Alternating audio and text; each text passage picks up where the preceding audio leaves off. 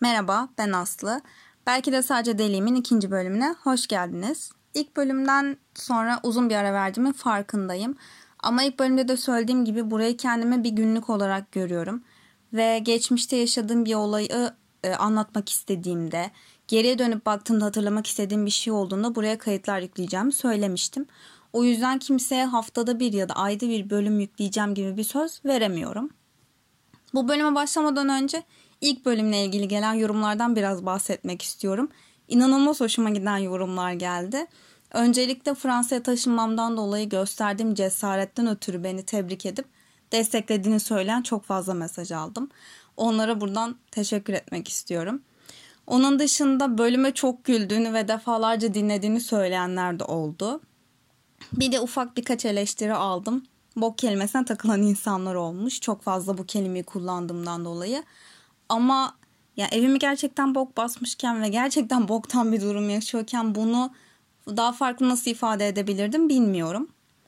E, bunun dışında tesisatçının durumunu anlattığım sırada mide bulantısından e, bölümün sonunu zor getirenler de olmuş. Onlardan da özür diliyorum. Hızlıca bu bölümün konusuna gelmek istiyorum.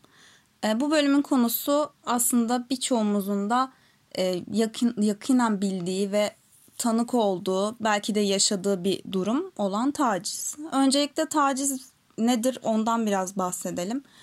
Bence taciz kadın ya da erkek fark etmeksizin bir insana herhangi bir şekilde verilen rahatsızlık durumudur. Yani bu psikolojik de olabilir, fiziksel de olabilir ya da bir insanın bir insana sözle e, rahatsızlık vermesi durumu da olabilir. Ve ülkemizde, Türkiye'de en çok kadınların başına gel- geliyor bu durum. Ve e, belki de her kadının başına gelmiştir. Eğer başınıza gelmediyse herhangi bir taciz durumu çok şanslısınız. E, neden bu konuyu seçtiğime gelirsek, geçenlerde Instagram'da dolaşırken bir Instagram sayfasının e, bir YouTuber'ın bir videosundan küçük bir kesit paylaştığını gördüm. Ve YouTuber o video kesitinde 15 yaşındayken yaşadığı bir taciz olayını anlatıyordu. Ben de o videoyu görünce aklıma bundan e, 9 sene kadar önce yaşadığım bir olay geldi. Direkt o olayı hatırladım yani o videoyu izlediğimde. Ve sonra dedim ki neden bunu kimseye anlatmıyorum. Çünkü e, bu olayı benim çevremde sadece en yakın arkadaşlarım ve ailem biliyor. Çok fazla insanla paylaştığım bir olay değildi.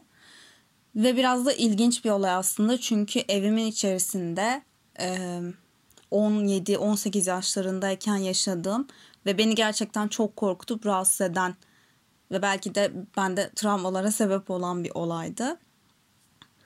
E, olayı anlatmaya başlayayım hızlıca. Şöyle dediğim gibi 17-18 yaşlarında yani de 18'imi doldurmamıştım. E, 2013 yılları Şubat-Mart arası diyelim üniversite sınavına hazırlanan bir lise öğrencisiydim. Ee, evimizde benim küçük bir çalışma odam vardı ve çalışma odamla ya bunu neden söylediğimi biraz sonra anlayacaksınız. Çalışma odamla ailemin odası evin 2-3 köşesine. Bizim evimiz biraz büyük. Ve hani onlara oradan ulaşmam biraz zor. Ve odam böyle oldukça küçük. Bir çalışma masası, işte sandalye ve küçük bir kitaplığı olan ufacık bir oda. Ve odamın penceresi de benim sandalyemin solunda kalacak şekilde. Yani ben yandan görünüyorum pencereden öyle düşünün. E, pencerede yanımızdaki bina ile ortak bir aydınlığa bakıyor. Yani herhangi bir sokağa bir şey değil. Boş bir aydınlık bir boşluğa bakıyor yani. Ve yan apartmanla aramızdaki mesafe 1-1,5 metre kadar. Onların penceresiyle bizim penceremiz arası. Bir gece ben genelde geceleri ders çalışıyordum. Ve yine ders çalıştığım gecelerden birinde işte ben banyodan çıkmışım. Üzerimde pembe ayıcıklı pijamalarımla oturmuş ders çalışıyordum orada. Kulağımda kulaklık müzik dinleyerek. Ve evde benim odam dışında hiçbir yerde ışık yok. Her yer zifiri karanlık. Odamın kapısı da kapalı. Orada harıl harıl çalışıyorum. Bir anda e, uzaktan bir konuşma sesi duydum. Hani işte böyle biri uzaktan bir yerden televizyonu kısık sesle açar da böyle hani fısıltıyla konuşmak değil de normal bir ses tonu ama uzaktan gelen bir sestir. Öyle bir ses duydum. Kulaklığımı çıkarttım. ve hani anlamlandırmaya çalıştım sesleri. İnanılmaz tedirgin oldum çünkü aklıma ilk gelen şey evde birinin olduğuydu. Hani eve hırsız mı girdi ya da bir, bir şey mi var yani bir şey oluyor ama ne oluyor bilmiyorum. Ve korkmaya başladım. Odamın kapısı da kapalı. Hani içeriden herhangi bir ışık da gelmiyor. Hani televizyonun açılma ihtimali de yok. Ve korkmaya başladım. Şimdi şey düşünüyorum. Annemlere nasıl ulaşabilirim? Çünkü kapıyı açıp bir, biriyle karşılaşsam ne yapacağımı bilmiyorum. Annemlerin yanına koşabilir miyim ya da bağırsam beni duyarlar mı? Böyle şeylerle ikilemlerde gidip geliyorum odanın içerisinde. Ve sonra ayağa kalktım bir cesaret odanın kapısını açıp dışarı çıkmaya karar verdim. Tam kalktım odanın kapısına yönelmişken camdan bir tık sesi geldi. Küçük bir rahatlama yaşadım. Tamam dedim oh evin içinden değil ses. Sonra cama yöneldim. Ee, tam benim karşımdaki camın üstünde de benim yaşlarımda bir kızın o yaşadığını biliyordum. O kızın da işte geceleri böyle ışığı açık oluyordu falan.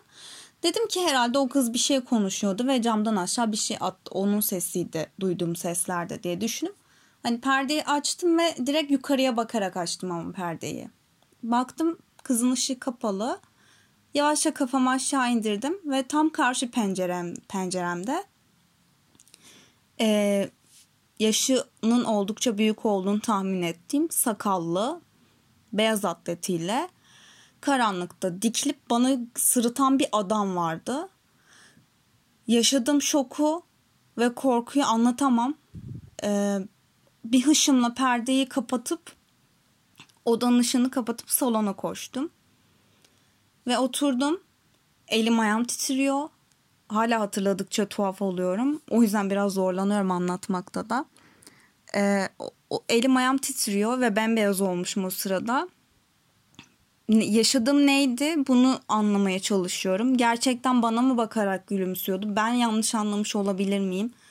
Adam gerçekten beni mi izliyordu orada? Ne zaman ne kadar zamandır beni izliyordu gibi şeyler düşünmeye başladım böyle. O sırada annem kalktı. Annem de şey için kalkmış. Hadi artık yat, yeter çalıştın demek için kalkmış. Annem odada değildi. Beni salonda görünce şaşırdı.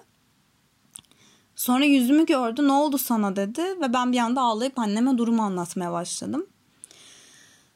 Ertesi sabah babama anlattık durumu ve babam bir vilada sopasıyla o cama vurmaya başladı. Hani biri çıksın sorsun ne olduğunu hani kimin baktığını beni rahatsız ettiğini öğrenmek için vilada sopasıyla vurmaya başladı ve kimse cama çıkmadı.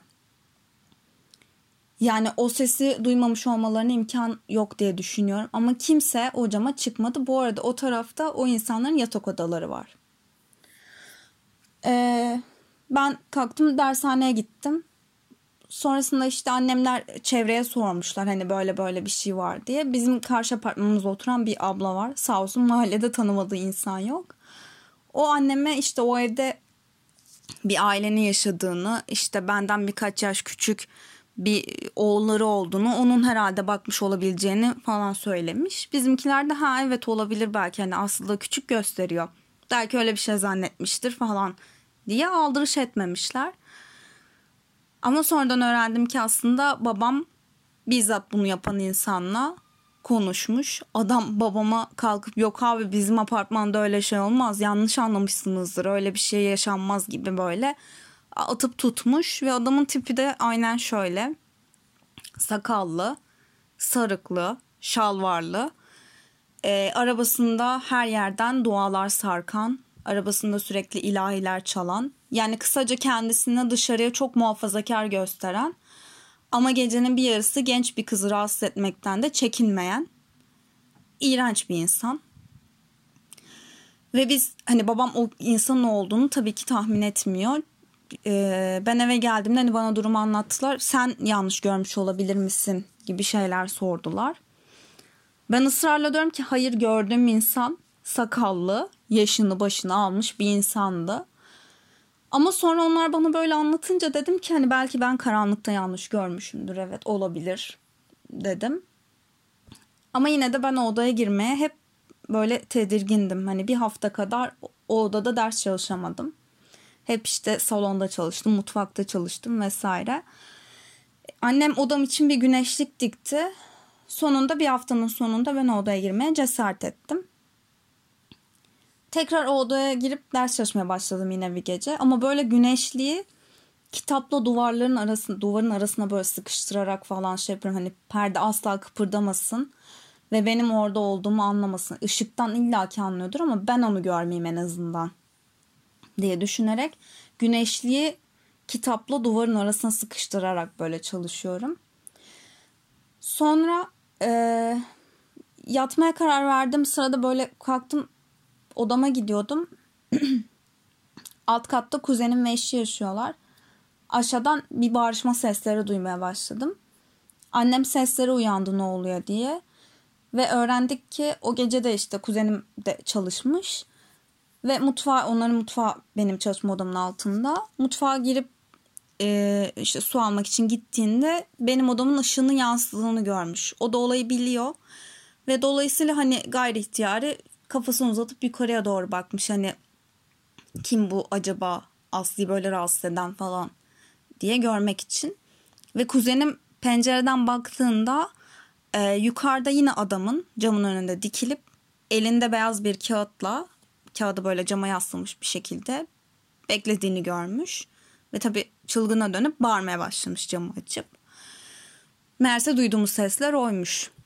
Yani adam benim odamın ışığının yandığını görünce oraya dikilmiş ve benim perdeyi açmamı bekleyip yani o kağıdı oraya yapıştırıp saatlerce belki de benim perdeyi açmamı beklemiş orada. Kağıtta ne yazıyordu, neydi hiçbir şey bilmiyorum. Sonrasında işte babam falan kalktı ne oluyor ne ediyor diye. Tabii ki adam kayboldu ortalıktan bir anda.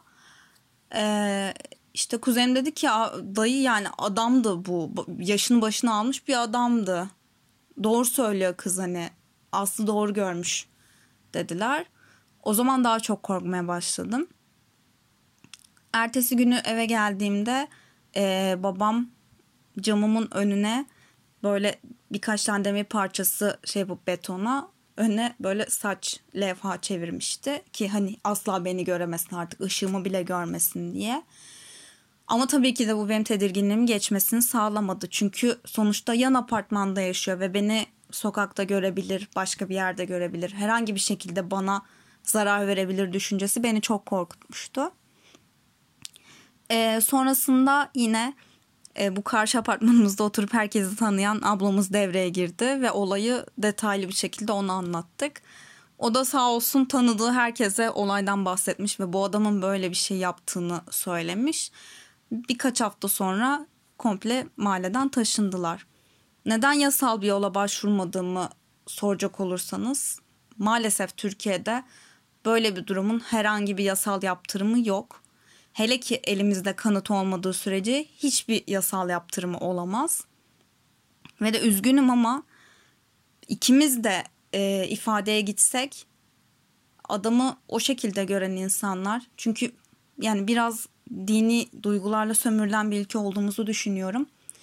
İkimiz de o şekilde ifadeye gitsek e, o adamı daha çok ciddiye alacaklarını biliyordum. Yani o adam saçmalamayın ben dininde imanında bir insanım ben öyle şey yapmam dese e, kim bana inanır bakıldığında. O yüzden herhangi yasal bir yola başvurmadım. Böyle bir küçük bir travmaydı benim için. Ben sonrasında da çok zorlandım aslında odaya girip ders çalışırken. Hatta üniversite hayatım boyunca neredeyse hiç odanda ders çalışmadım diyebilirim. Hep mutfakta ya da işte salonda. Yani odayı tercih etmemeye çalıştım. Çok nadirdir o odaya girip ders çalıştım. İlk olay böyleydi. Şimdi size bir olay daha anlatacağım. Bu biraz daha komik aslında. Çünkü biraz da benim deliliğimle alakalı.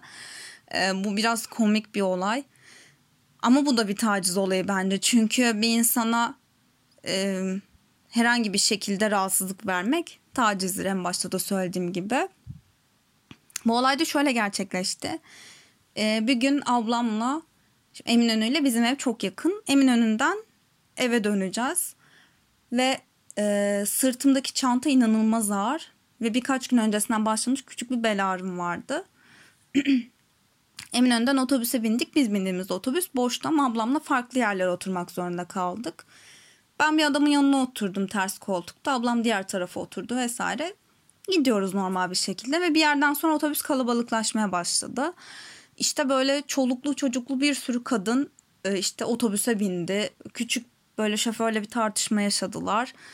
Yani otobüsün içi böyle bir gerildi falan ama ben aldırış etmiyorum. Beni ilgilendirmeyen bir şey olduğu için umursamadım. Ve elimde telefonumla internette geziniyorum böyle Instagram'da falan takılıyorum. Sonra yanımdaki adam ayağa kalktı. Ben inecek diye düşünüp yan döndüm. Yani geçmesine müsaade ettim. Adam kalktı. E, yanımdan geçti ve demirin diğer tarafına geçip karşıma dikildi. Ve bana bir anda bağırmaya başladı.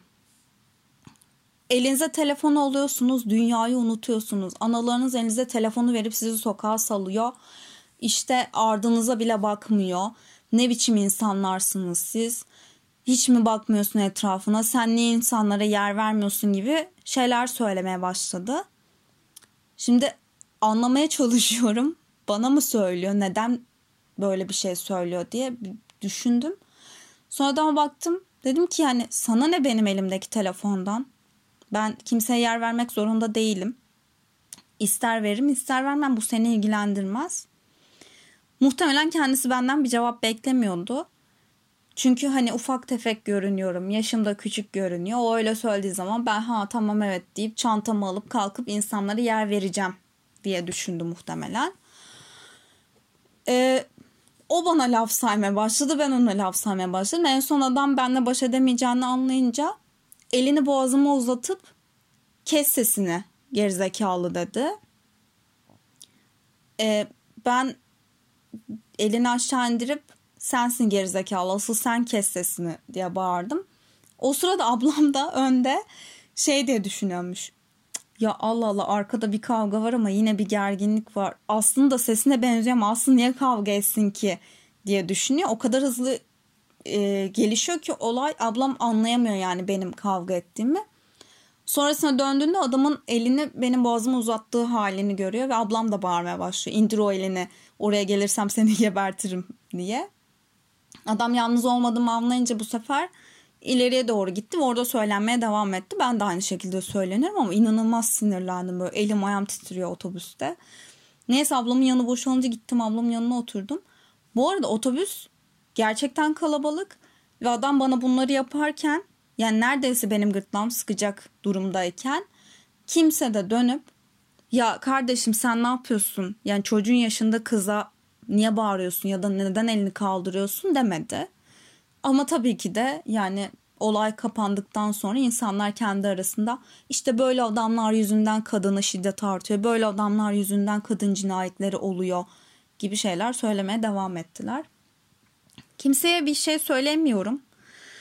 Yani kimse tepki vermek zorunda değildi ama orada tek olsaydım ve odan bana zarar verseydi yine de kimse dönüp bir şey yapmazdı bence. Bu da böyle küçük bir olaydı. Yani aklım başımdan geçen bu iki olayı sizinle paylaşmak istedim. İlk olay benim için hala zor. Hatırladıkça tüylerim diken diken oluyor ve hatırladıkça ve anlatmaya çalıştıkça zorlanıyorum. Umarım hiçbirinizin başına bir taciz olayı gelmez. Ve şimdiye kadar hiç gelmediyse de çok şanslısınız diye düşünüyorum. Umarım hiçbir kadın böyle bir şeyle karşı karşıya kalmaz diye düş söyleyip bölümü burada kapatıyorum. Dinlediğiniz için teşekkür ederim. Bir sonraki bölümde görüşmek üzere.